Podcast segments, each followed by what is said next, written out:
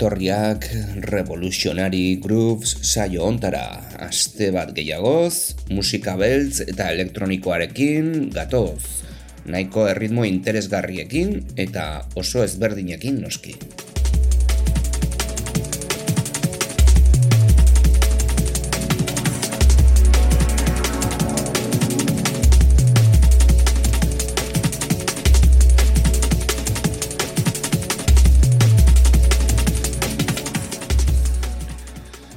Gaurko honetan drum and bass atmosferikoa edo intelligent atmospheric drum and bass. Doinuak entzungo ditugu. Drum and bassa estilo asko dituen estilo musikal bat da eta bueno badakizue evoluzio bat e, eduki dula mila bederatzireun eta laro gaita garren urtetikan aurrera sortu zen jangelarekin batera, ba, draman behiza ere bai, sortzen joan zen, e, artista batzuen eskutik, e, koizpen nahiko interesgarriekin, eta gira esan, ba, gaur eguner arte ezagutzen dugun intelligent drum and bass edo atmospheric drum and bass.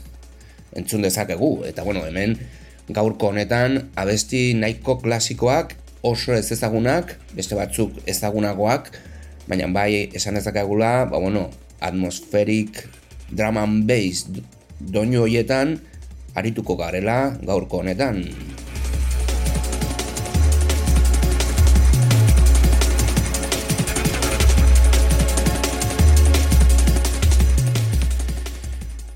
Musika nahiko berezia daukagu gaurko honetan, eta egia esan, ba, atmosferikoa izango da, eh? beraz, horregatikan gaurko honetan e, aurkezten dugu atmosferik drum and bass doinu hau e, ba, bueno, jungle e, bueno, laro gehieta margarren amarkadako jungle doinu hoiekin batera doazelako eta baita ere ba, erritmoa egiterako orduan nahiko ezberdina izan zelako eta nahiko berezitasun nabarmenak zituelako. Adibidez e, linea basu hoiek e, nahiko mantxoak ziren. E, gero ere bai esan dezakegu e, ambient draman behiza e, ambient musikaren eta ambient house laro gaita margarren amarkadako ambient house musikaren inspirazioan murgildurik dagoela. Eta bueno esan ezakegu ba, onelako nahazketak edo fusioak e, ba, protagonismoa handia izan zuten Britaniar irletako underground estenan. Eta, bueno, draman behiza, badakizue, rave garaiak ziren ere bai, eta, bueno, esperimentu asko egin zen mm, estilo musikal askorekin, eta hau izan zen hoietariko bat.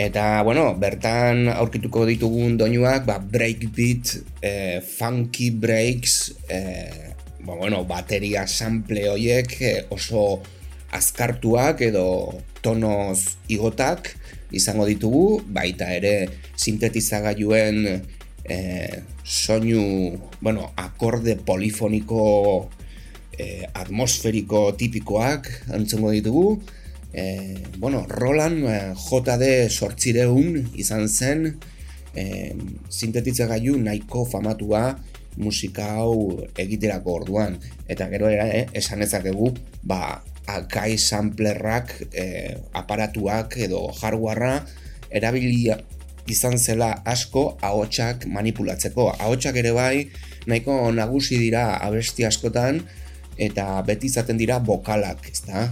Koro moduko bokalak erabiltzen dira ba, instrumentu modura, ez dira estribilloetan murgiltzen, ez daude rapeatuak, ez dago soula bestirik, eta bueno, horrelako gauzak ez dituzue aurkituko hemen, hemen house ambient edo ambient house doinuetan e, inspiraturik dauden doinuak ditugu, beraz, ba, linea horretan, draman behiza, egin zen moduan, entzungo dugu gaurko honetan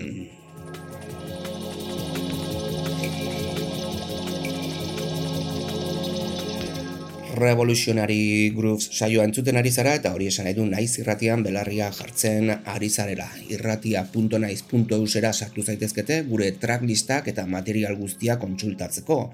arrosasarea.eusera sartu zaitezkete ere bai saioari jarraipena egiteko. revolutionarygrooves.wordpress.com gure babes moduko bloga duzue eta hortzen naiz irratiaren webgunean dagoen material berbera aurkituko duzue babes modura. Gero iBox eta Spotify eh, podcastak bakarrik audioak entzuteko zuen seapototan edo irratiko eh, sukaldeko irratian lasai asko entzun bezakezue eta asteleen ero gaueko amaiketan naiz irratiko FM-ean analogiko bitartez entzun gaitzakezue. Bagizue, gurea beti proposamenana zuen esku dago entzutea ala ez. Eta bueno, gure informazioa gustoko baldin baduzu, gutxienez, ba bueno, eskerrak eman godizkizuegu beti. Oso pozik bai gaude saioarekin aurrera jarraitzeko, naiz irratiaren ba, baimen osoarekin noski.